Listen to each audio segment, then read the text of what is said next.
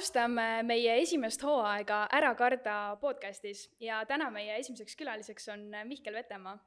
me kutsusime su siia esimesena, sest me tundsime, et need teemad, mida sa oled jaganud enda sotsiaalmeedias ja asjad, millega sa oled tegelenud, on tohutuks inspiratsiooniks olnud nii noortele kui tegelikult ka meie tiimile pean mainima, et sa oled väga mitu korda tulnud meie nii-öelda koosolekutel jutuks aga miks sa meil jutuks oled siis tulnud? ehk siis esiteks sellepärast, et kindlasti podcast'i maastikul oled sa meile üks suur eeskuju, olles siis aasta kaks tuhat kakskümmend üks podcast'i, Täitsa Pekis podcast'i asutaja, üks asutajatest ja üks kaassaatejuhtidest.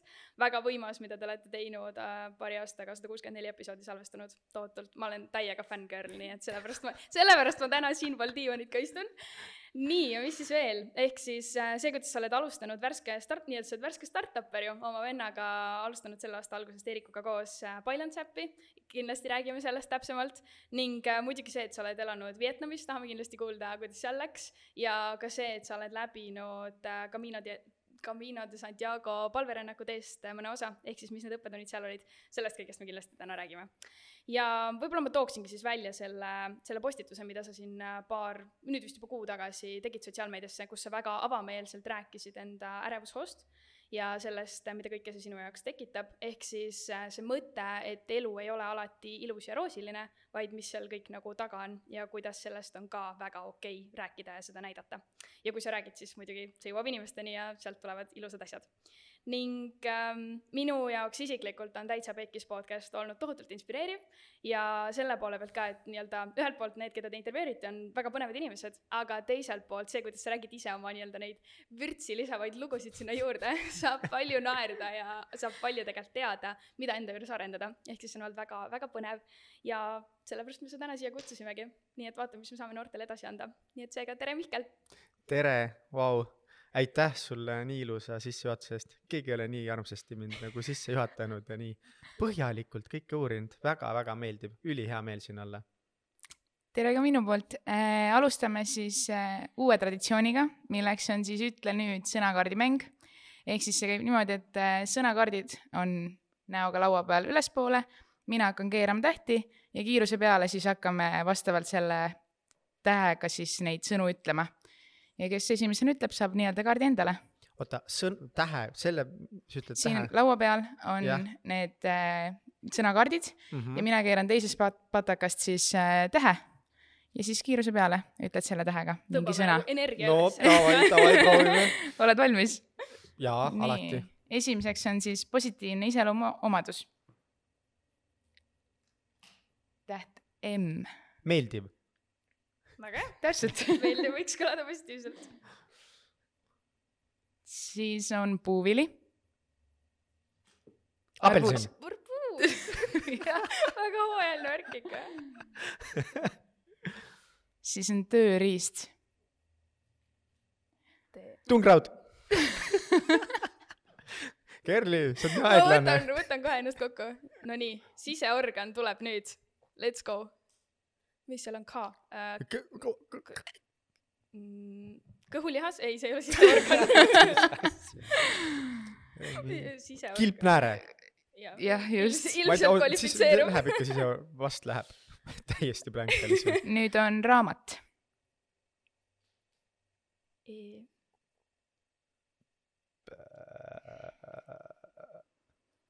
emakeeleõpik vana hea ikka. põhimõtteliselt läheb vist ikka jah. aus, läheb muidugi, väga oluline raamat. nüüd on linn Euroopas. Kopenhaagen, aga see on C-ga tee-, aa eesti keeles ka või? K-ga jah. jah, jah, jah, sobib. jopas, see oleks piinlik olnud laul. no raudselt ei tea. J-tähega. Juss ja sõbrakesed, ise mõtlesin praegu öelda ma ei tea, kas see on olemas. raudselt on olemas. keegi kuskil ikka on laulnud mm., jäääär tuleb ette, aga mingit laulu ei tule, vaata mul ei tule, ma, mul ei tule kindlalt. võtame uue tähe. jäääär läheb, ma annan äh, selle punkti ära. jääme jääääre juurde, meil mõni laul ikka on. Need on seriaal. tuleb välja kõik, mida me vaatame. N-tähega või? ma ei tea mitte ühtegi seriaali N-tähega Netflix tuleb suurelt ette, aga mis nad näitavad N-tähega, kindlasti midagi on. võtan uue tähe, ärme sõna ära keera. okei, võtame uue tähe, vaatame. P. no ei vaata piisavalt sarri või? vist, vist tuleb hakata vaatama rohkem. tuleb midagi vaadata. põhtähega sari. mul on ainult käib kogu aeg meeleheitel koduperene, siis peas ringi ja mõtlen, kuidas seda põhhi või N-tähega öelda. jah, mul on Friends ainult. uh,. Uh, Padjaklubi. Nice jaa, tuli ära. ja Eesti, oma ka veel, nii tore. onju, kodusid tuleb toetada. siis on söögikoht või restoran. Ullits, jah, jaa ja uh,, uh. vana hea, vana hea. väga hea. Nonii, meil on mõni veel jäänud. siis on loom, T-tähega. tiiger. ma sain oma esimese kaardi. Brit, go Brit. Ja viimaseks on automark. Subaru. väga hästi. Nonii, loodame, et uh, Brit võtab mu see mikri kaasa. loodame, et siis äh, tuli veits mõtteid, aga tegelikult äh, ma siis natuke paljastan meid siis ka, et me jätsime selle automargi meelega viimaseks. sest et ähm, mulle meeldiks kuulata sinu ilusat autolugu, kuidas vision board'il olevast äh, Bemmi pildist saab asi päriselus. Kuidas see siis nagu võimalik on, et noored teaksid, et see, mida nad sinna kleebivad, võib saada reaalsuseks? ma ei tea, kas see auto on nagu kõige parem asi, mida endale tegelikult nagu väga suureks eesmärgiks võtta, eriti nagu noh, mingi linnas elades tegelikult võiks nagu olla selline linnasõbralik ja rohemõtlev, mitte et ma nagu ise nüüd oleks. täiega tulin autoga ka täna siia, ülitore.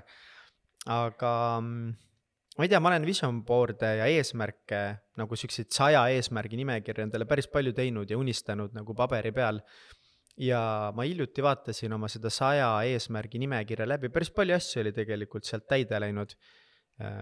kuidagi nagu iseenesest, et ühtepidi ma täitsa usun küll, et tuleb need mõtted peast välja saada, paberi peale kirja panna, mida sa nagu tahaksid ja need autod ja telefonid võivad ka seal olla. sest tegelikult nagu see auto on nii veider asi, et see on nagu ühtepidi väga palju peavalu mulle toonud, selle parandamine on kallis, kütuse hind tõuseb, aga teistpidi no kurat, nii meeldib noh, lihtsalt see on mu lemmikauto noh, mis ma teha saan, nii meeldib, et äh, teeb õnnelikuks ka, et kuidagi ma ei oska otseselt nagu vastata su küsimustele, aga, aga tasub nagu teadlik olla eesmärkidega, mitte liiga kinni jääda nendesse ja siis kuidagi ajapikku nad vist juhtuvad. aga kui sa neid liste oled teinud, kas sa siis näiteks teatud aja tagant vaatadki, noh, et sa ütlesid, et sa nüüd mm -hmm. oled Mhm. vaadanud, kas sa vaatad näiteks iga aasta alguses, et siis mõelda, et okei okay,, nüüd sellel aastal võiksid juhtuda need asjad? üldiselt ma vaatan suvaliselt ja just nagu selliseid pikkasid nimekirju, kus ma lihtsalt unistan, neid ma vaatan täiesti suvaliselt ja mitte üldse tihti, et võib-olla paar korda aastas satungi neid uuesti vaatama. ja ma ei ole väga struktuurne üldiselt just nagu selliste kuu või aasta eesmärkide seadmisel, et ma mingi hetk tegin seda ja elasin hästi sellisesse nagu iga kuu mingid eesmärgid, numbrilised eesmärgid, goal'id, aga see lõpuks muutus mulle nii raskeks, sest kui eh, kuud ei läinud nagu niimoodi, siis ma olin väga kuidagi nagu kinni selles mõttes ja see hakkas väga palju frustratsiooni tekitama ja halba enesetunnet. kuidas sa alustasid sellega või kuidas sa jõudsid nii-öelda selleni, et üldse nii-öelda tulla selle peale, et panna neid asju kirja või nagu näha selles midagi positiivset enda jaoks?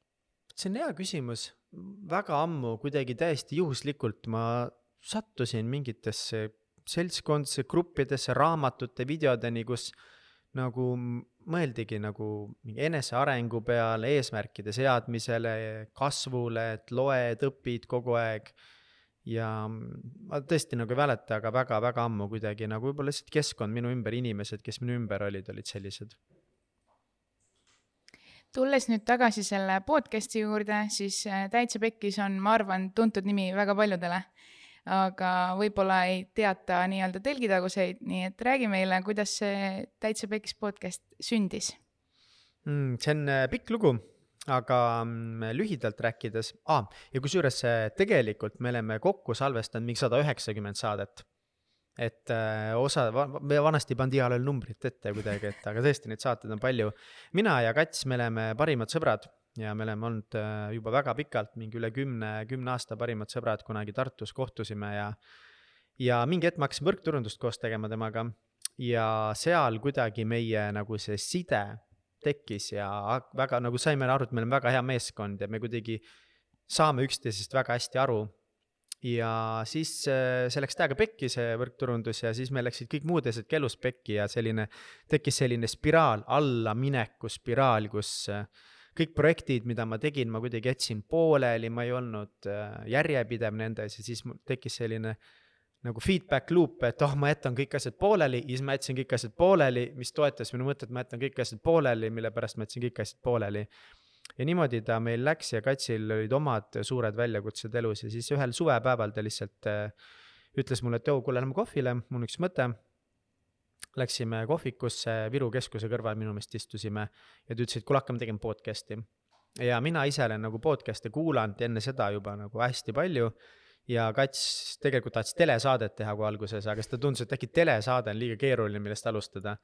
ja siis ta oligi niimoodi, et tal oli öösel tulnud pähe, et täitsa pekkis ja, ja kuidagi mõte oligi see, et davai, et hakkame rääkima inimestega sellest, kas neil läheb ka perse või me oleme nagu kaks ainsat veidrikku, kes ei saa üldse asjadega hakkama. ja sealt me alustasime. kuidas siis täna tundub, kas te olete ainult kaks ainsat veidrikku üldse ei ole, nii tore on nagu see on nii, noh, see, kuidas see saade ja selle saate tegemine nende huvitavate inimestega, nende väljakutsetest rääkimine meid inimesena kasvatanud on meeletu ja see enesekindlus, mis annab kuidagi, et kõigil läheb kogu aeg nii halvasti, see on nii tore, see on nii naljakas, kui ma uute inimestega tutvun, siis kuidagi ma suhteliselt kiiresti ka küsin selle kohta, et aa, on midagi pekki läinud või. ja siis kui ütleb jaa, siis ma mingi, aa, super, väga hea, nii räägi mulle. et see kuidagi jah, kõigil läheb äh, pekki, aga see, kuidas inimesed äh, suhtuvad sellesse, kuidas nad üle tulevad, kuidas nad välja tulevad raskustest, see on vinge võib-olla siit tulemegi siis selle meie nime juurde, et ära karda, et kui sa nüüd mõtled tagasi selle esimese äh, nii-öelda podcast'i osa peale, kas äh, oli hirm enne seda, kui, kui te seda tegema läksite? hirmu ei olnud mm. -mm. Ähm, elevus kindlasti oli, mingi närv ka kindlasti, ikka noh, närv oli sees ja niimoodi ja hirmu, hirmu ei olnud.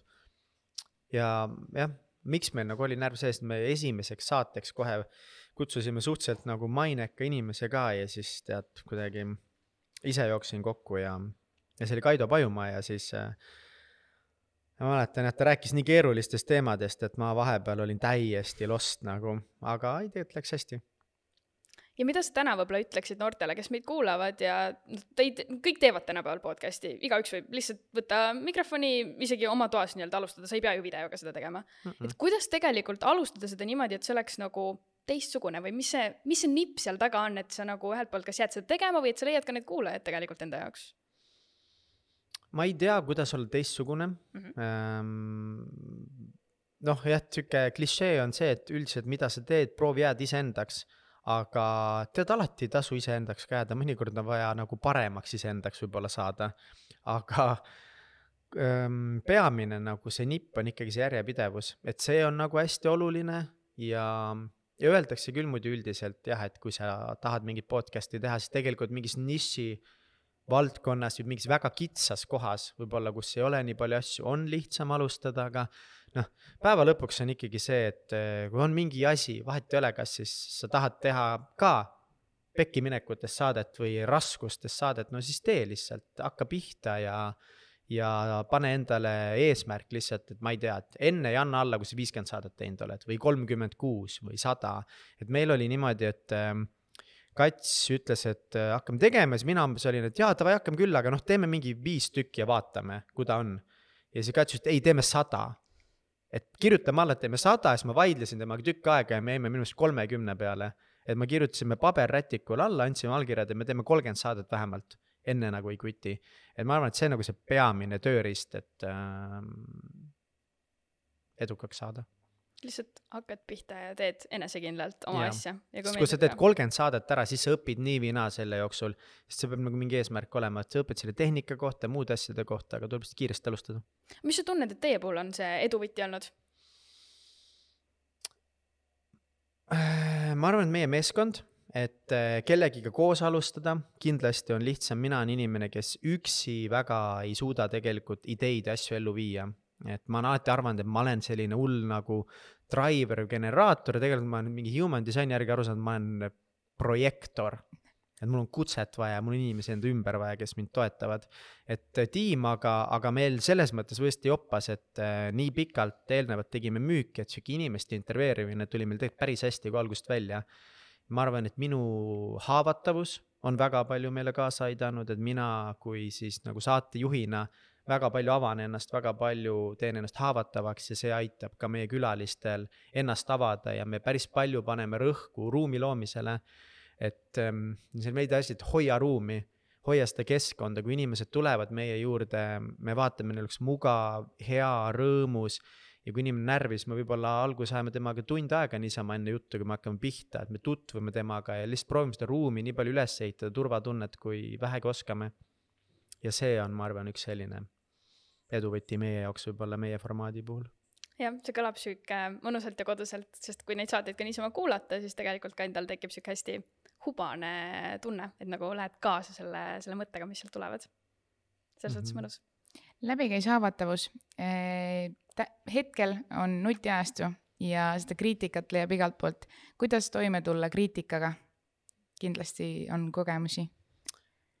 ei ole väga palju, kusjuures Äh, pean ausalt tunnistama, me ei ole selles mõttes nagu jah, et me oleme podcast'i maastikul tõesti äh, ka vahepeal olnud üks kuulatavamaid ja, ja saime selle tiitli, aga me ei ole väga palju kriitikat saanud, sest me ei ole veel nagu nii suured, et noh, kui me räägime nagu sellest meediakriitikast, eks ole, influencer ite kriitikast, siis seda saavad ikkagi need tohutult populaarsed äh, mõjutajad või suunamudijad, kas siis kuskil uudistes ja, ja ja nii-öelda nagu veebi, veebimeedias, et me ei ole väga palju saanud, me inimesed ei hooli piisavalt meist. et ja see on väga okei okay,, mulle meeldib. Ja loomulikult me oleme nagu tagasisidetel ikka nagu konstruktiivset kriitikat saanud meie kuulajatelt või, või et issand, palun ärge sööge otse mikrofoni, on ju, sihuke asi, mis jääb igaveseks meelde, et. Aga üldiselt äh, kriitikat ma olen nagu mujal elus tegelikult saanud, aga kui ma olin hästi noor, siis ma ehitasin mingi kaitsekihi endale ümber ja kuidagi tegin näo, et mind nagu üldse ei huvita teiste inimeste kriitika, et tegelikult see ei olnud kõige tervislikum lähenemine, et mind üldse ei huvita, mida teised arvavad nagu mitte keegi teine, et ma nagu läksin veits ekstreemsemaks, aga aga minu jaoks kuidagi see aitas väga palju nagu saada selleks, kes ma olen, et ma lihtsalt mingi hetk ütlesin noorena endalt, mul on täiesti savi, mida teised ütlevad. kui aus see vastus täna on, et sul on täiesti savi? ei ole täiesti savi aga ma olen suhteliselt tuim küll nagu mingisugustele negatiivsetele sündmustele või juhtumistele ja ka arvamustele. aga pigem nagu ma ikkagi äh, hoolin, kui inimesed hästi ütlevad. see mõjutab mind räigelt, ma täiega tahan, et inimesed mulle hästi ütleksid ja mind tunnustaksid ja kiidaksid. see mind hästi palju äh, sütitab. et minu ego on nagu selline, et ma tegelikult vajan seda äh, teatud sellist approvement'i või mingit upitust teistelt, et seda saades peab teisi ka upitama, sa upitad sind natukese vastu. jah, et käsi peseb kätt, siis nagu mm -hmm. käib mõlemat pidi. aga võib-olla tulemegi siis, nojah, hakkame siis vastupidi liikuma, et me alustasime siin hästi tänapäevastest asjadest, võtame siis kohe selle startup'i ka ette. et kuidas sa selle puhul tunned, see on nii-öelda mõnes mõttes sinu väike beebi justkui, et kui sa selle puhul oled saanud mõnda tagasisidet, siis kas sa võtad seda näiteks teistmoodi hoopis?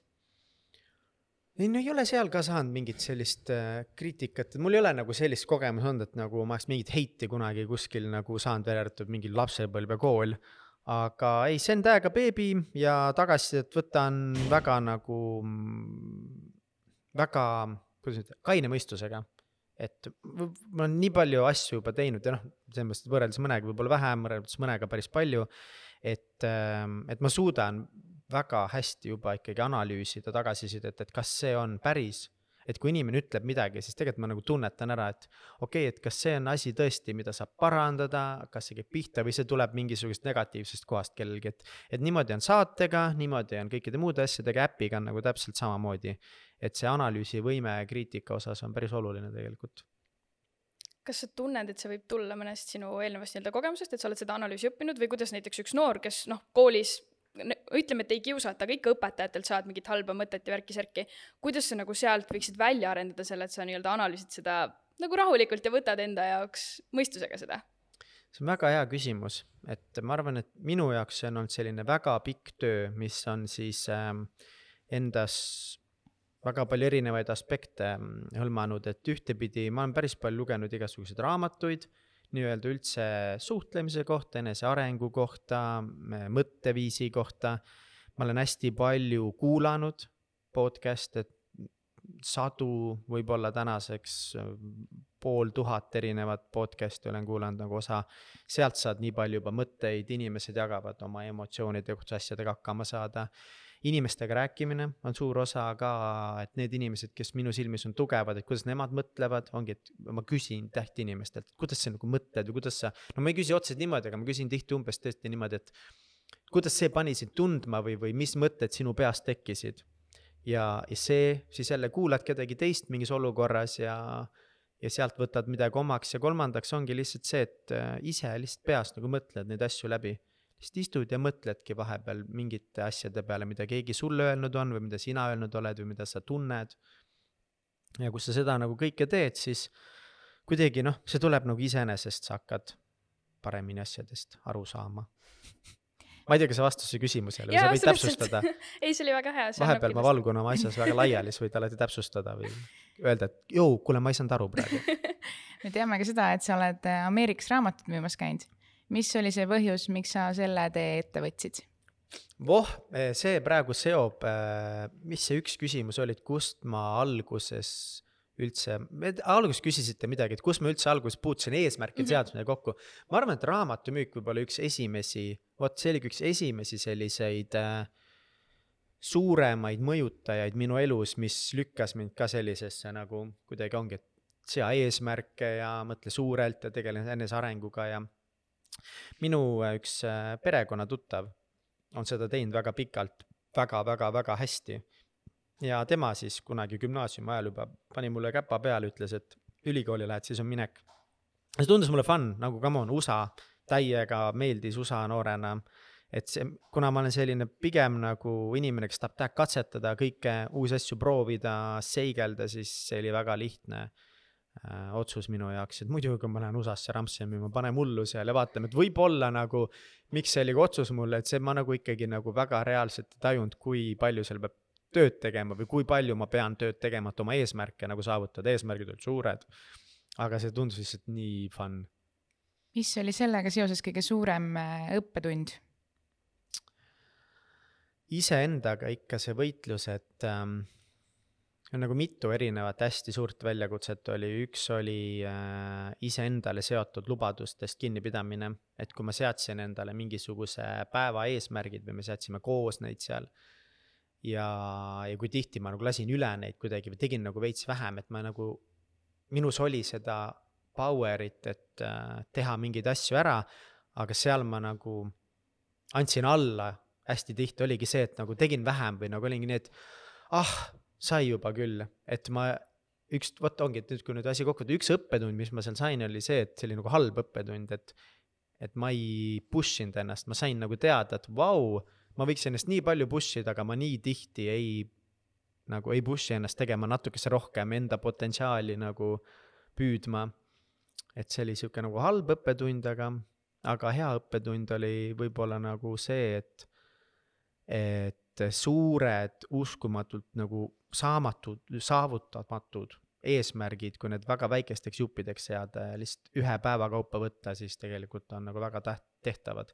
et ma koputasin sellel suvel vist mingi kolme tuhande viiesajal uksele või kolme tuhandele uksele, ma ei mäleta, kui keegi oleks mulle suve alguses öelnud, et jõu, et noh, et edu saavutamiseks sa pead kolme tuhandele uksele koputama, siis võib-olla ma ei oleks läinudki sinna. aga kui sa mõtled nagu niimoodi, et okei okay,, ma pean hommikul üles ärkama ja minema esimesele uksele koputama, siis see on nagu tehtav tundub täiesti okei okay, lihtsalt tõusid ja lähed.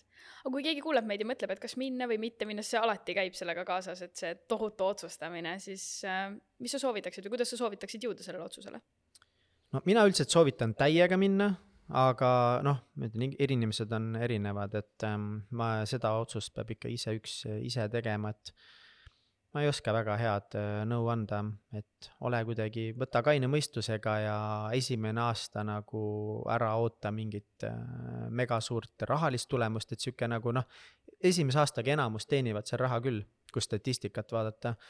aga esimene aasta üldiselt on ikkagi selline nagu tohutu enese avastamise aasta.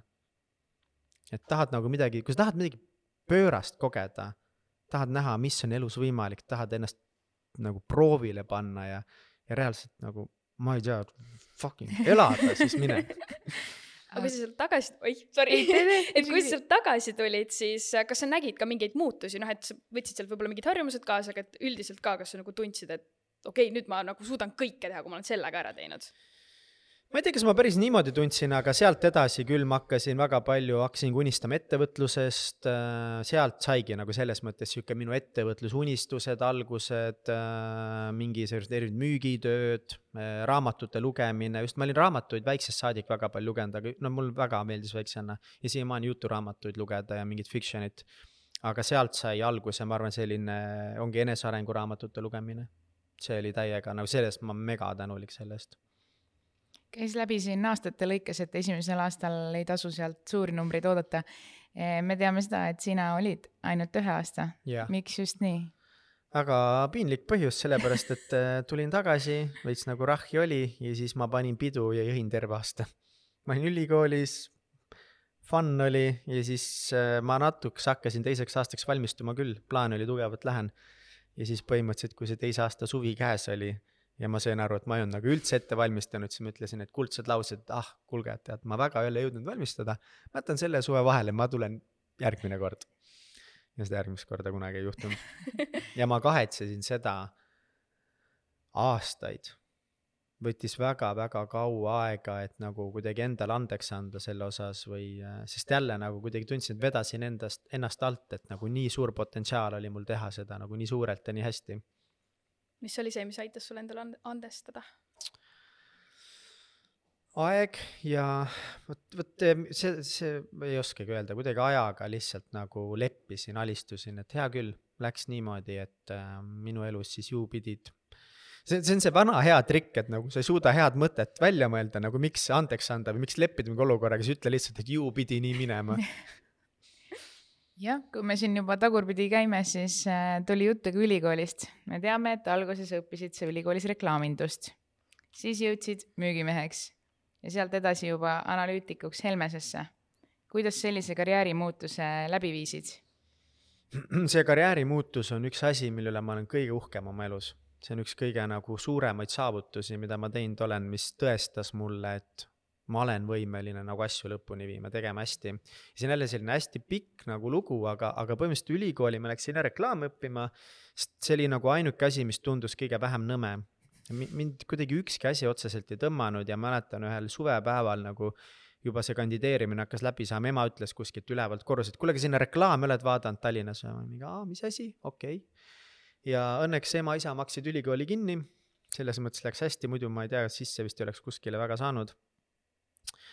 Ja see oli fun, mulle ülikooli elu meeldis, aga rohkem nagu see, need peod, üliõpilasorganisatsioonid, kõik see activity aga ma koolis ei õppinud ja, ja kuna ma sattusingi pärast äh, raamatumüüki, sattusingi otsemüüki ja võrkturundust tegema, siis ma kuidagi tundsingi, et ah, et see õppimine on nagu nii mõttetu kuidagi, et see ei sütitanud mind. mingi, miks ma pean mingi psühholoogia, mingeid raskeid ja sotsioloogia kontrolltöid tegema ja ma kuidagi kukkusin nendest läbi mitu korda ja ma järjest rohkem nagu hakkasin nägema, et ah, et ei, ettevõtlus tuleb välja ja kuidagi tundus, et elu on nii lihtne. ja, ja siis ma lihtsalt ei käinud koolis enam ühel hetkel. ja siis ma ei käinud koolis nii kaua, kuni mind eksmatrikuleeriti, on see sõna vist niimoodi. et poolteist aastat ei läinud kohale enam ja siis visati välja. Ja ma kuidagi nägin, et mul ei ole nagu ülikooli vaja, kuna ma tahan nagu ettevõtjaks saada või müügiga tegeleda, et, et see reklaam mind ei huvitanud nii või naa, ma sain seal poole peal aru, et ma ei taha kunagi reklaami minna. ja siis äh, see viis mind selles mõttes nagu olukorda, kus ma tegelikult ei olegi nagu midagi õppinud. ma tundsin mingi hetk oma elus, et aga ma ei lõpetanud ülikooli ära, ma ei oska mitte midagi tegelikult. kui keegi küsib, et okei okay,, aga Mihkel, mida sa nagu oskad, mis tööd tegema hakata, siis ma tundsin, et ma ei oska mitte midagi, ainuke asi, mida ma teha saan, on müük, sellepärast igaüks võtab sind müüki tegema lihtsalt, kui tuleb välja, tuleb.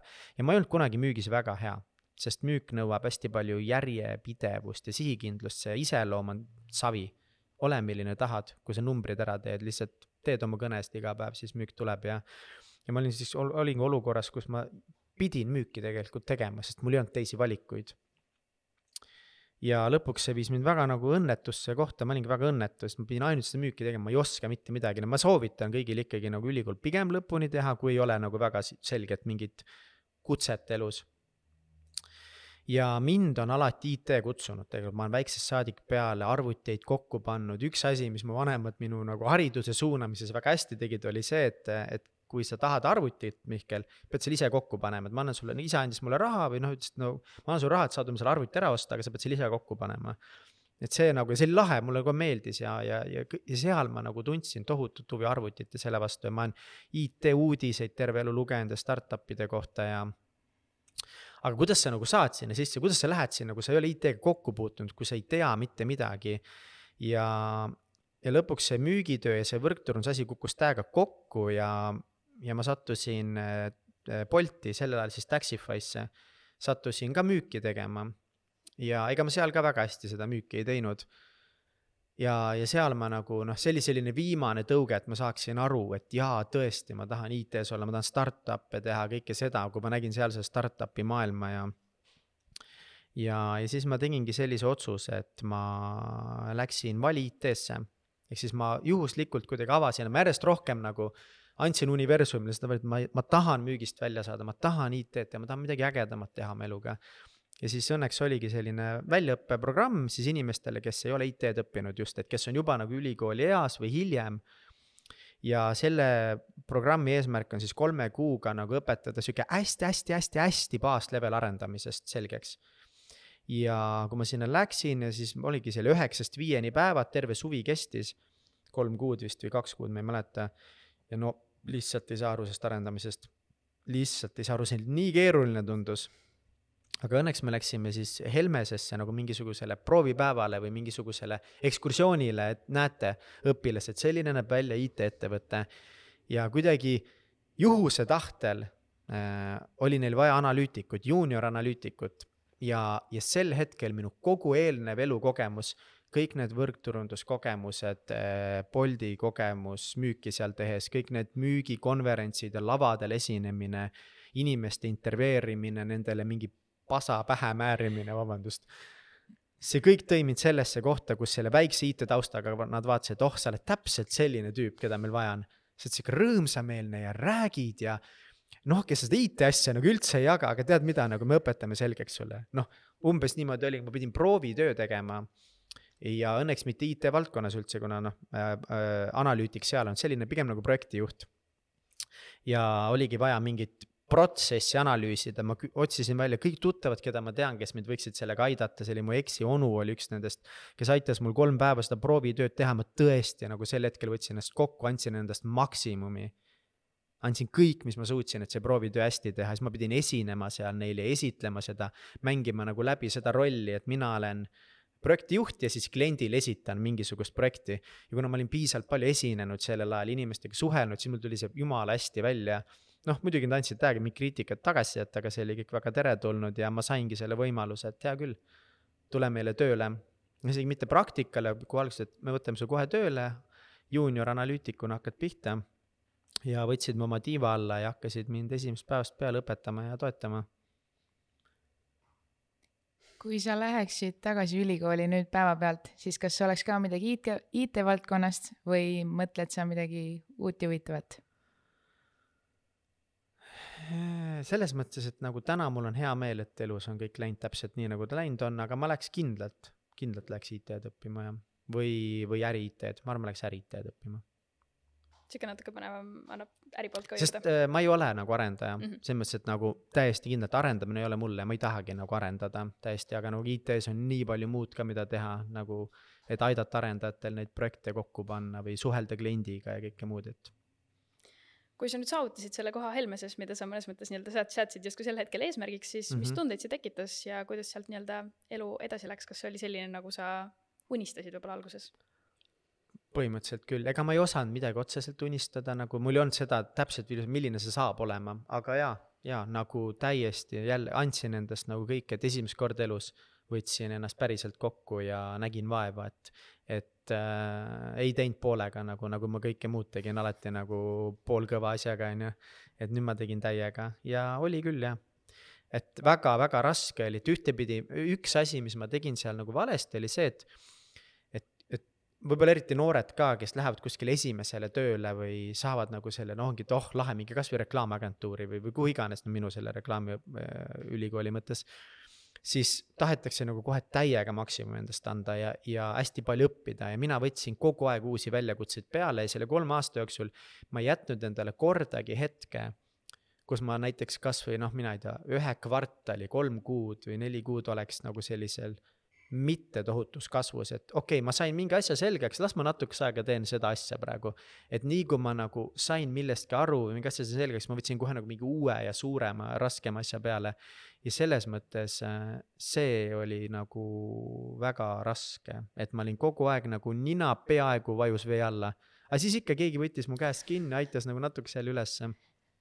aga muidu see oli imelised äh, kolm aastat aga, aga miks ma sealt nagu ära tulin, see on omaette pikk küsimus, seda ei küsinud, aga lihtsalt nagu elu, kõik asjad jooksid kokku tol hetkel, aga töö oli super. kui ma peaks palgatööle praegu tagasi minema, ma läheks esimese asjana kindlasti Helmesesse.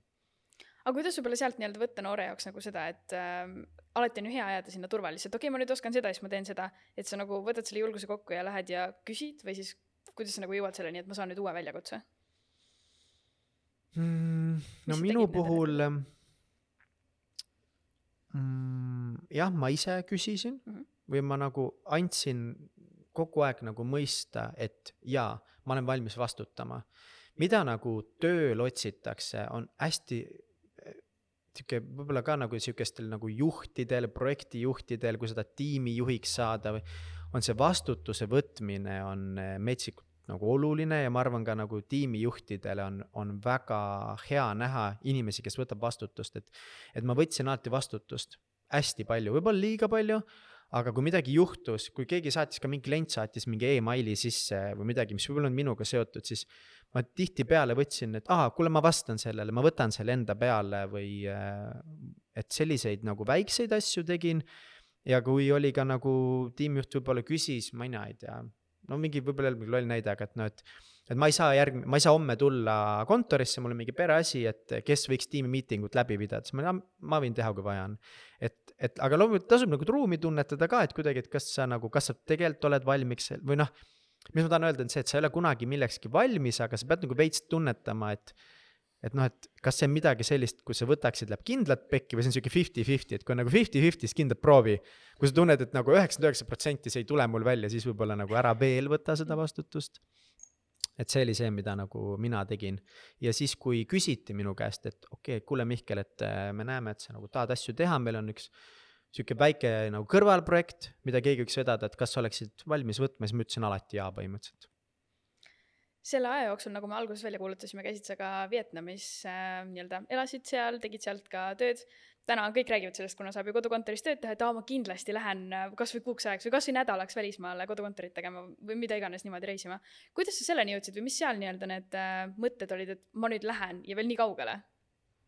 see oli jälle nii huvitav asi, me olime mu endise elukaaslasega rääkinud päris pikalt ja jällegi üles kirjutanud oma unistused, me tahaksime äh, soojalt maalt töötada, me tahaksime soojal maal elada, jälle panime selle kuskile kirja, unistasime sellest ja kui ma läksin Helmesesse, siis põhimõtteliselt teisel nädalal vist oli tiimimiiting ja tiimijuht ütles, et aa, Mihkel, me ei olegi sulle veel rääkinud, me siin tiimiga otsustasime, et me tahame talvekontorit teha Vietnamis. et umbes, ma ei tea, kahe kuu pärast lähme, tuled ka või? ja ma olin lihtsalt nagu umbes eile jälle rääkisime kodus sellest ja jaa, kohe. nii et eh, see oli tänu Helmesele, see oli nende, nende idee ja plaan oligi teha lihtsalt talvekontorit, et viia tiim nagu kuuks ajaks kuskile soojale maale, et äh, mitte olla siin külmas talves. ja kuidas see siis, kui lihtne või raske sealt tegelikult nii-öelda tööd oli teha, kui sa oled siukses mõnusas keskkonnas, kus sa tegelikult tahaks hoopis minna avastama kõike ja et siis mm -hmm. istuda sinna arvuti taha ja teha seda? jah, see on hea küsimus nagu kuidas seal tööd teha oli nagu tehnilises mõttes me väga konkreetselt valisime välja nagu linna ja koha täpselt, mis oli piisavalt hea, et kus on nagu head internetiühendused, head kohvikud, piisavalt hea infrastruktuur, et me valisime täpselt siukse linna, kus on nagu hea elada, et nagu normaalset tavapärast elu elada. käid poes, käid toidupoes on ju kõik see. aga kuna me olime tiimiga koos ka, siis nagu me töötasime kõik ikkagi üheskoos, nii et, et see esimesel aastal aitas täiega kaasa, siis me olime kaks kuud vist seal ja mulle tegelikult sobis, üks huvitav asi oligi see, et, et kuna me pidime nagu töötama oma kliendi ajatsoonis, eriti mina projektijuhina arendajat tegelikult otseselt mitte, aga mina pidin olema siis kliendile olemas meie tööaegadel, mis olid siis Rootsi ajad. ja see on siis üks tund nüüd Eestist äh, ees või taga, ma enam ei mäletagi, vahet ei ole. siis meie tööaeg algas äh, mingi kell üks päeval ja kestis siis umbes üheksani õhtul. ja tead, miks see kõige vingem oli või? Kui meie elu Eestis on selline, et me lähme tööle ja anname oma elujõu kõik sellele tööle ära, tuleme koju ja mõtleme, et tahaks oma asju teha, siis Vietnami elu oli selline, et ma ärkasin hommikul üles täpselt sellel kellaajal, kui ma tahtsin, tegin kõigepealt seda, mida ma tahan teha ma tahtsin jalutada minna, tahtsin ujuma minna, ma tahtsin raamatut lugeda, võib-olla ma tahtsin oma mingi äpi mõtteid teha äh,, kuskil avastada, poes käia, ma sain teha nagu oma selle värske eluenergiaga seda, mida ma kõige rohkem tahan teha. Ja siis kell kaks hakkad tööd tegema või kell üks hakkad tööd tegema ja see oli kõige-kõige vingem. et sa nii-öelda tajusid ära, mis on sinu need aktiivsed tunnid ja samal ajal said ise alguses energiat koguda. jah, ja tööajaks kuidagi jäi ikka nagu energiat pärast seda üle, sest need asjad, mida me ise tahame teha, nad tihtipeale võib-olla annavad ka meile energiat, kui võtavad ära mm. -hmm kõlab väga mõnusalt. oo oh jaa, tahaks täiega minna. aga tulles veel tagasi õppimise juurde sinna ülikooli, gümnaasiumi aega, öeldakse ikka, miks ma seda õpin, et mul ei ole seda vaja siis äh, tagasi vaadates, mis on see üks asi näiteks äh,, mille üle sa selles mõttes uhke oled, et mis on sulle siiani kasuks tulnud, on see siis mingi matemaatiline valem või noh, mis iganes? koolist hmm. äh,, esinemine, kooliteater, kõige-kõige rohkem andis see mulle kaasa, see on jälle üks asi, mis aitas mul olla nagu sihuke elav ja ma sain aru, et mulle meeldib see esinemine ja mulle meeldib jutustada, et see kõik andis sellele hästi palju jõudu kaasa. et mida ma kahetsen, on see, et, et ma ei õppinud üldse nagu matat või nagu ma üldse ei õppinud nagu neid aineid, et tegelikult kuidagi see matemaatika ja nende asjade õppimine aitab ajul areneda täiega ja sa oskad nagu lahendada probleeme, matemaatika õpetab probleeme lahendama.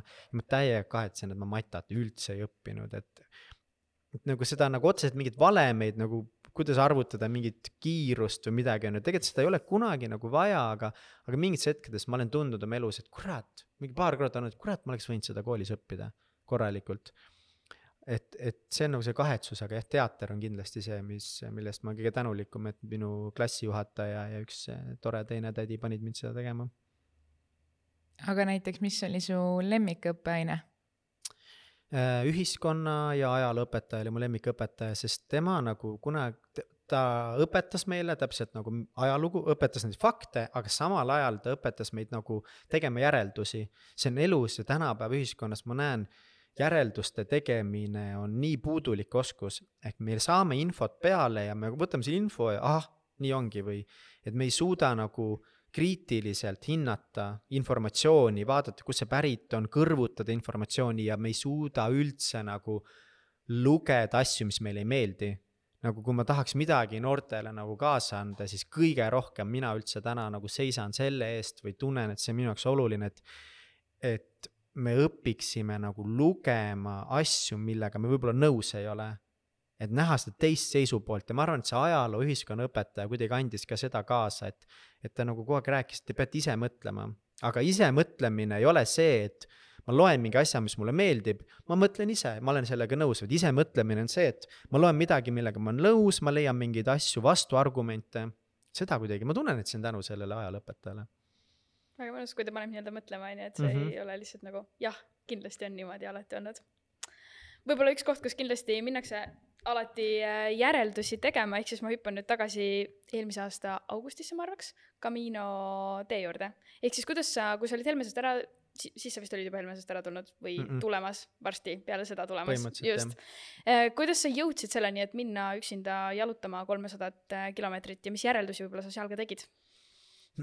see oli üks kõige raskemaid perioode mu elus, oli just enne seda Caminot, ähm, sellepärast et äh, oligi, ma olin, minu suhe oli sel hetkel põhimõtteliselt kokku varisenud ja ma olin inimesena nagu kokku varisemas ja jällegi see on nagu väga pikk lugu, siis kuidagi lühidalt kokku võtta, et kõik asjad mu elus nagu kõik aspektid, nii töö, äh, täitsa pekkis äh, meeskond, minu suhe, mina ise, need asjad üldse ei läinud enam kokku, nad kõik rebisid eri suundades ja mind täiesti lõhki rebisid mu. ja ma olin äh, nagu väga sünges kohas, muutusin apaatseks täiesti, äh, mul tekkisid, seal tekkis mul esimest korda väga tugevad ärevushood, kus ma läksin hommikul tööle ja ma vaatasin ekraani ma tunnen, et ma ei saa keskenduda, süda peksab, silme eest kirjand- nagu, ma ei mäletagi, läks kirjuks. ma ei saa lugeda, ma olin mingi tund aega lihtsalt arvuti taga mitte midagi ei suutnud teha. Et ma olin nagu nii raskes kohas oma elus ja ainuke mõte põhimõtteliselt mul sel hetkel oli see, et ma tahan põgeneda. ma tahan nagu põgeneda selle reaalsuse eest mida mõnikord ongi vaja, et nagu ma ei tahtnud tegeleda, ma oleks võinud nagu nii palju asju muidugi paremini teha, et see olukord poleks kätte jõudnud, aga see stress ja võib-olla nagu noored, ma tunnen ka, täna kuidagi tunnetavad seda stressi kuidagi eriti palju. ma ei tea, kust see tuleb, võib-olla sotsiaalmeediast, et, et ma arvan, et paljud nagu tunnevad seda tunnet, nad tahavad lihtsalt põgeneda, et nad ei handle'i ära seda seda kooli, seda mingit sotsiaalelu, ülikooli, kõiki neid valikuid, ma pean tegema valikud eluks ära et mul olid nagu teised mured, aga see põgenemise tunne on meil võib-olla kõikidel tihti sarnane. ja siis ma lihtsalt ei suutnud mitte millegagi hakkama saada ja siis ma olin kuulnud Camino teest päris palju ja see lihtsalt ühes saates keegi jälle keegi rääkis sellest, ma tundsingi, et ma pean lihtsalt põgenema ja see tundus ideaalne koht, kuhu põgeneda. Ja ma ütlesingi, võtsin puhkuse kolm nädalat võtsin puhkust, läksin viieteistkümneks päevaks ära, tegin mingeid muid asju ka. Ja elukaaslane sai ka nagu aru, et noh, et see asi ei toimi meil nii või naa, et äh, mine ja nagu leia mingit selgust iseendast ja ja ma ei seadnud otseselt eesmärke seal, et ma lihtsalt pidingi eemale saama kõigest ja, ja, ja siis ma mäletan, et kui ma seal kõndisin, kohe, kui ma jõudsin Hispaaniasse, nagu see koorem langes õlult, sest ma olin nii-öelda igalt poolt saanud ka loa seal olla mõnes mõttes, et nagu töölt on puhkus, ma ei pea töö peale mõtlema. elukaaslane ütles ka, et muidugi noh, mine ära, on ju, me ei suhtlenud paar nädalat. et äh, ma sain olla täiesti vaba, täiesti mina ise ja lihtsalt üle pika aja, ma ei olnud kuskil üksi üle noh, aastaid kuskil üksi midagi teinud ka, mulle tegelikult meeldib aeg-ajalt üksi olla. Ja siis lõpuks, kui ma sinna rajalegi jõudsin, siis mäletan nagu kolmandal päeval hakkas selline huvitav asi juhtuma, et ma hakkasin kuulma oma sisehäält. Et äh, ma olin aastaid nagu surunud ratsionaalsuse ja loogikaga kõiki nagu oma mõtteid alla, ka nagu suhte mõttes ja töö mõttes, et ma kogu aeg otsisin nagu ratsionaalseid põhimõtteliselt, ei noh, paberi peal kõik näeb hea välja, ma ei saa loobuda, ma ei saa teha mingeid suuri muudatusi elus, sest nagu paberi peal kõik on nagu justkui hästi. Ja siis ma hakkasin jälle kuulma seda väikest sisehäält, mida ma olin aastaid puuri pannud ja siis see lihtsalt ütles seal kolmandal päeval vist, ütles suvaliselt, keset metsa kõnnin, kõnnin, siis ütlen ka häälega aga ma ei taha oma päevasid enam niimoodi veeta, nagu ma veedan. ja, ja see panigi nagu alguse sellele, et põhimõtteliselt, kui ma sealt nagu tagasi tulin, siis nagu samal päeval põhimõtteliselt me elukaaslasega otsustasime, et meie teed lähevad laiali ja, ja tööle andsin ka lahkumisavalduse sisse, sest mul oli lihtsalt vaja pausi kõigest. Kuidas see nii-öelda see tunne peale seda võib-olla, kui sa jah, juba kolmandal päeval tegelikult nägid, sul oli veel pikk tee ees minna kas see oli mingi vabanemine või, või nägid sa siis veel mingisuguseid nii-öelda võimalusi, et okei okay,, see ongi, nüüd ma suudan veel mingeid asju nii-öelda välja mõelda, et mis neid, mis need tunded olid? minu jaoks see oli hästi suur vaimupuhkus ja enese hääle leidmine uuesti, ma isegi üldse ei mõelnud sellele, et mis saab edasi, et minul oli vaja nagu täiesti maandada ennast nagu välja lasta ja ja, ja ma tundsin elurõõmu jälle, et võib-olla see suurim ka nagu see tunne, sest tegelikult ma teadsin, mis ma pean tegema suhte, töö ja kõigega, nagu ma läksin sinna julgust koguma lihtsalt see ära teha, sest ma teadsin ju noh, me teame alati, mis me tegema peame, me teame seda oma aladväärt, me lihtsalt ei julge teha neid asju. et ma läksin julgust sinna koguma ja selles mõttes selle julguse ma ikkagi sealt mõnes mõttes nagu sain, aga huvitaval kombel nagu jah, kuidagi ma sain selle mõtte, et elu tegelikult saab täiega ilus ja rõõmus olla ja särav olla, et me peame lihtsalt julgeid otsuseid tegema kui sa tulid tagasi ja tegid oma julged otsused ära, siis kui säravaks või mõnusaks see reaalselt muutus äh,?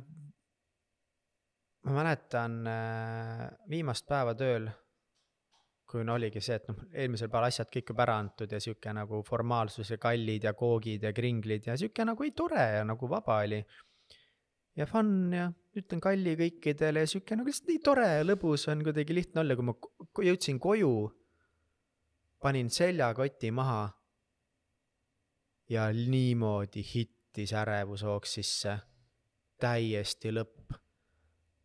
et kuidagi korra lõi sisse, et nagu kõik on nüüd teistmoodi. et äh, midagi ei ole enam nii, nagu viimased seitse aastat on olnud.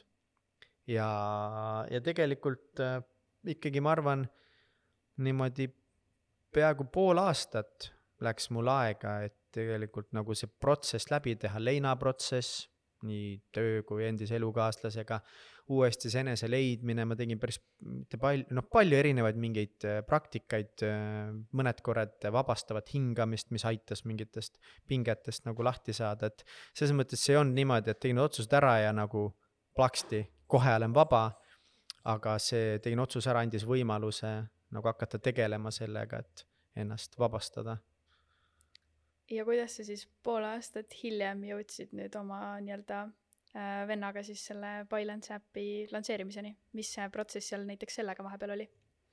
see idee tuli mul neli-viis aastat tagasi. mingi neli aastat tagasi ma hakkasin otsast nagu pihta, üldse mitte vennaga, vaid paari teise inimesega. siis need teised inimesed kadusid kuidagi ära, siis ma kogu aeg nagu nokitsesin selle idee kallal. Ja siis mingi kaks aastat tagasi Äh, vend oli jõudnud nagu arendamises ka nagu noh, ta läks õppima, sest alguses ma üldse ei tulnud tema pealegi, sest siis ta ei olnud veel seda õppinud, aga nüüd ta on hullult hea arendaja.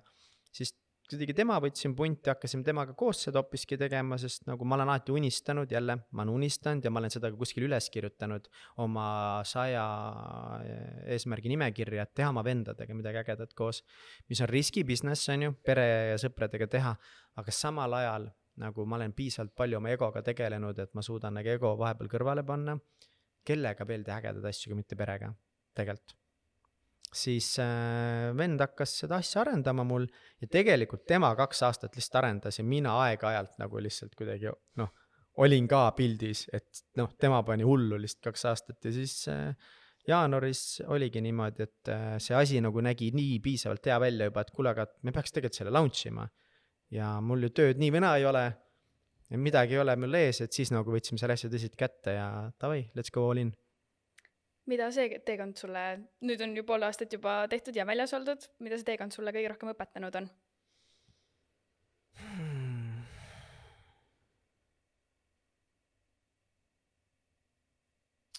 et mul on veel väga palju õppida äh, iseenda energia juhtimises ja ma pean veel õppima olema realistlik enda võimetega. et ma kipun üle hindama, mida me suudame teha nädalaga, kuuga, võib-olla ka poole aastaga. ja üldiselt ma alahindan, mida ma suudan teha viie ja kümnega, on ju, aga noh, nii kaugele ei ole kohe ette mõelda, et, et kindlasti see on õpetanud mulle praegu seda, et ma pean äh, fookust hoidma. et see noorena ma pigem nagu, noh, ma arvan, ma ise ka praegu noor, aga veel nooremana ma arvan, et on ikkagi hea, kui hästi palju katsetada, lihtsalt täiega vaadata, mis sulle meeldib ja tehagi võib-olla palju asju koos, et seal on jälle see mingi peene tasakaal, et nagu tulebki hullu panna, teedki kooli, teedki organisatsioone, võib-olla käidki tööl, noorena, kurat, töökogemust, see tuleb ka nii palju kasuks, vahet ei ole, on see kohvik või mis iganes, suva asi aga mida vanemaks saad, need aastad nagu edasi lähevad, siis hakka nagu ära viskama neid asju kõrvalt, hakka fokusseerima ja hakka täiega fokusseerima, sest tegelikult, kui sa lõpuks fokusseerid ainult mingi ühe asja valid välja ja lähed sinna nagu sisse, siis hakkab nagu maagia juhtuma, siis sa, sinu mõttejõud, sinu energia, kõik on nagu ühte kohta fokusseeritud ja ma arvan, et niimoodi suudad nagu väga-väga suuri asju lõpuks teha ja koos tiimiga loomulikult ja ma näen, et täna ka ma pean veel ikkagi nagu õppima seda energia aja fokusseerimist ühte kohta. kas sa näed, et on olnud mõned harjumused sinu elus näiteks, mis on aidanud sul jõuda selleni, et sa suudad kas tiimi juhtida või et sa suudad üldse oma ettevõttega tegeleda, et sa suudad nii-öelda panna fookuse, et ma nüüd tegelen ühe asjaga, et mõni harjumus, mis võib-olla, mis on aidanud? See on hästi raske tegelikult siiamaani mulle, et mul ei tule väga hästi see, et noh, ettevõtte juhtimine välja, et see on jumala keeruline. aga see on nagu okei okay,, et, et ei peagi nagu hästi välja tulema, teed siis halvasti ja proovid paremini teha kogu aeg. Ja kusjuures ma ei tea, ei ole, ei ole, ei ole otseselt tegelikult praegu mingeid harjumusi, et kuna ma nagu lasin eelmise aasta sügisel no kõigest lahti, siis praegu nüüd ma olen alles selles protsessis, kus ma panen uuesti ennast nagu kokku juppidena ja panen mingit oma rutiini kokku ja praegu mul ei ole väga mingeid harjumusi isegi eriti, et ma olen trennis hakanud rohkem käima ja see kindlasti ei ole mu minevikust tulnud, ma vanasti üldse nagu ei olnud tubli. nii et mul ei ole head vastust sellele küsimusele kahjuks. väga, ei, aga see on ka väga hea vastus, et ei peagi alati olema mingid megaharjumused seal taga. jaa, ei ole üldse jah mm. -mm. tuleme korraks veel selle Camino tee juurde tagasi mm. -hmm. võib-olla meie kuulajad ei tea, mis asi see üldse on.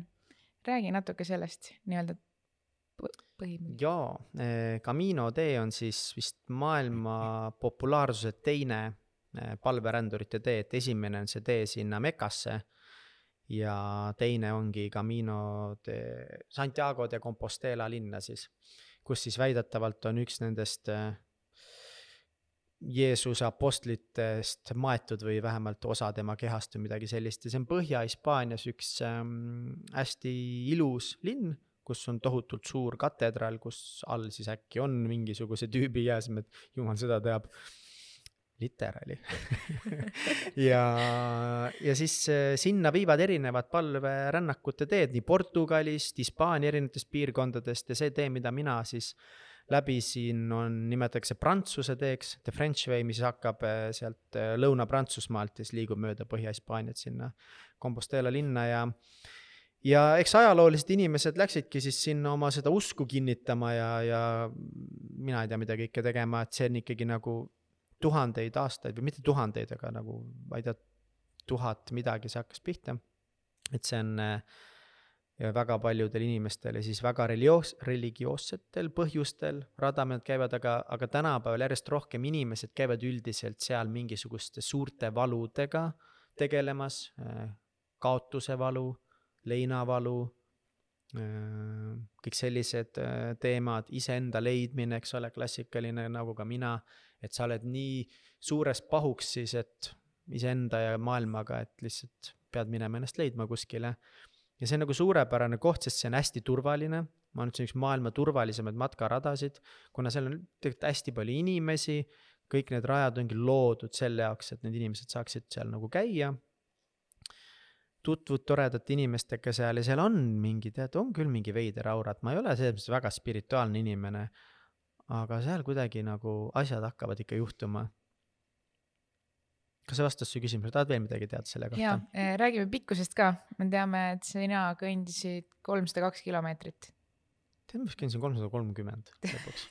võib-olla oli kolmsada kaks ka. see, need pikkused on erinevad, saab neid erinevaid radasid valida, see Prantsuse tee siis kokku on vist seitsesada kilomeetrit midagi.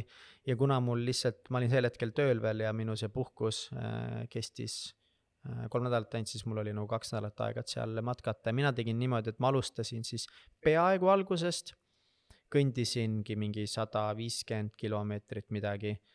Siis võtsin bussi ja sõitsin äh, ühte punkti, kus siis kõndida viimased sada kilomeetrit sinna lõppu välja, sest ma tahtsin ikkagi sinna lõpp-punkti ka jõuda, ma tahtsin seda kogemust tunda ja seal tulid pisarad silma ka sinna lõppu jõudes mul ikka.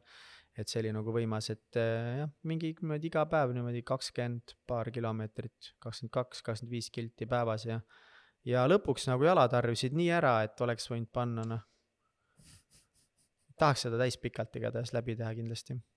ja see kõndimine võttis ka aega siis kaks nädalat. kolmteist päeva, kolmteist päeva läks mul aega, et kõndida nagu kokku siis koos mingi linnas jalutamiste ja asjadega mingi kolmsada kolmkümmend kilti. väga-väga tuus e. igapäevased harjumused, kas sul on midagi näiteks sellist, et sa hommikul ärkad, jood eh, tassi külma vett, lähed külma duši alla, õhtul lõpetad kuidagi? mm. -mm. ei ole, ma olen ähm,, ma enam ei taha endale öelda, et ma olen halb harjumustega, et ma olen seda nii palju kinnitanud endale terve elu, et ma olen nii halb harjumustega ja, ja olengi siis eelnevalt olnud. et ma olen küll teinud erinevaid asju ja, ja ma olen olnud peaaegu selles 5am klaabis mingi lühikese aja ja Katsiga koos, kellega me saadet oleme teinud, temaga me oleme olnud niimoodi, ärka, helistame hommikul kell viis, noh, ärkasid üles, lähme teeme oma rutiine nüüd. Ja küll mul on olnud mingid perioodid, kus ma loen iga õhtu, lühikesed nagu, aga need alati nagu kuidagi vajuvad ära, kaovad ära ja üldiselt, kui niimoodi keskmist vaadata, siis tegelikult mul ei ole üldse mingeid harjumusi ja rutiine, ma olen mõnes mõttes nagu suht kaootiline. ja ma õpingi kuidagi praegu sellega nagu leppima, ma ei suru enam endale nagu väga rutiine peale, sest ma olen seda nii palju teinud endal erinevatel perioodidel ja see on nii palju energiat, ma ei tea, elutahet ära võtnud, et, et ma ei suru ennast, aga samal ajal ma tunnen, et, et teatud rutiinides olles ka Helmes, sest mul ikkagi siis oli päris tugev sihuke unerutiin ja ja vahepeal oli sihuke trennirutiin parem, need aitavad mul paremini toimida. küsimus on see, et kuidas ikkagi nüüd täpselt kätte saada, et mis rutiinid mulle sobivad. ja hetkel mul ei ole põhimõtteliselt mitte ühtegi rutiini peale hammaste pesemise, mida ma teen küll iga hommik, iga õhtu. Aga kui öelda näiteks, et äh, räägi kahe lausega, mis on sul kõige, mille üle sa kõige uhkem oled ja mis on see, mida, mille nii-öelda läbipõrumine kõige suurem oli, siis mis need kaks lauset oleksid? kõige uhkem ma olen äh, selle üle, et ma suutsin sinna Helmesesse saada ja ma suutsin seal kolme aastaga ennast no peaaegu seenioranalüütikuks äh, äh, töötada um,. Selle ma kõige üle, mis see küsimuse teine pool oli? läbipõrumine. milline kõige suurem läbipõrumine olnud? Äh, kindlasti oligi see kõige suurem, oligi siis see, kui mu suhe, elu, äh, podcast, startup, noh, tahtsin kõiki neid asju korraga teha ja kõik plahvatas. et siis ma nii-öelda ikkagi nagu täiesti põlesin läbi ja põrusin läbi me oleme mõelnud äh, lõpuks, äh, lõppu siis kolm küsimust ka, mis läheb meie selle aasta teemaga kokku. Äh, esimene kõlab neist nii, mida teed täna, et maailma paremaks muuta? Balance äppi teen, ma arvan, see on üks asi. Ja teine on täitsa pekis see saade, et ma alguses oli nagu raske nagu uskuda, võtta omaks võib-olla seda, võtta seda tunnustust võib-olla vastu, et kui inimesed kirjutavad, et tõesti, et see nagu tegi neid rõõmsamaks või see tegi neid õnnelikumaks või see aitas neil mingist murest üle saada või no ma ei tea, mõni on tõesti öelnud, et muutis nagu elu umbes, et noh, ma nagu nii tõsiselt seda nüüd ei võta, aga, aga, aga see tekitab küll metsikult hea tunde. siis teiseks on need, kes on täna sinu suurim eeskuju mul on hästi palju eeskujusid ja mul vist suurimat eeskuju ei ole, et on nii podcast'i valdkonnas umbes Joe Rogan või Tim Ferris ja Kats on mulle väga paljudes asjades suur eeskuju, väga paljudes asjades üldse mitte vastupidi. aga jah, Katsis väga palju imelist ja no ma ei oskagi öelda, hetkel näiteks väga kogen armastust ja tänulikkust äh, Illimar Pildi ja Kadri Valsbergi poolt, et nemad on inimesed, keda, keda ma väga vaatan alt üles selle pärast, kuidas nad suudavad nagu pere kasvatada ja samal ajal elada ja väga raskeid teemasid nagu kahekesi partneritena lahendada, et nemad inspireerivad mind. ja viimaseks küsimuseks on siis, mida soovitaksid noortel kas siis kuulata, lugeda, vaadata, et nad saavutaksid enda unistused? no ma ei tea, mis need unistused on, nii et et ma ei oska soovitada, mis see nende unistustele kaasa aitab, aga kindlasti soovitan lugeda ja Youtube'is vaadata huvitavaid videosid ja võib-olla kui üks raamatu soovitus oleks, siis tõesti üks kõige vingemaid huvitavaid raamatuid, mida ma lugenud olen, on see Sapiens äh, Yuval Noah Harari või kuidas ta nimi öeldigi, et see on üks väga huvitav raamat, mis paneb veits nagu laiemalt mõtlema ja annab sulle nagu aru saama miks me oleme üldse täna sellises maailmas, kus me oleme, kuidas me siia jõudnud oleme ja võib-olla kui sa natuke, sa saad paremini aru, miks mingid asjad maailmas, kuidas nad töötavad ja, ja nagu näed mingit laiemat pilti, siis see aitab võib-olla igaks asjaks kaasa. ja noh, muidugi kuulata ka Täitsa Pekkis podcast'i. oi, kindlasti ja, ja enda promo tuleb ikka teha muidugi, seda tasub kuulata. muidugi. aga üli-ülimeeldiv oli sinuga jutustada siin. aitäh, et sa tulid ja aitäh ka kõigile kuulajatele. Eh, kui meeldis, siis eh, saab kuulata meie järgmisi podcast'i osasid siis iga neljapäev. ja muidugi tasub meid jälgida, nii meid kui ka siis saatekülalisi sotsiaalmeedias. aitäh. aitäh. aitäh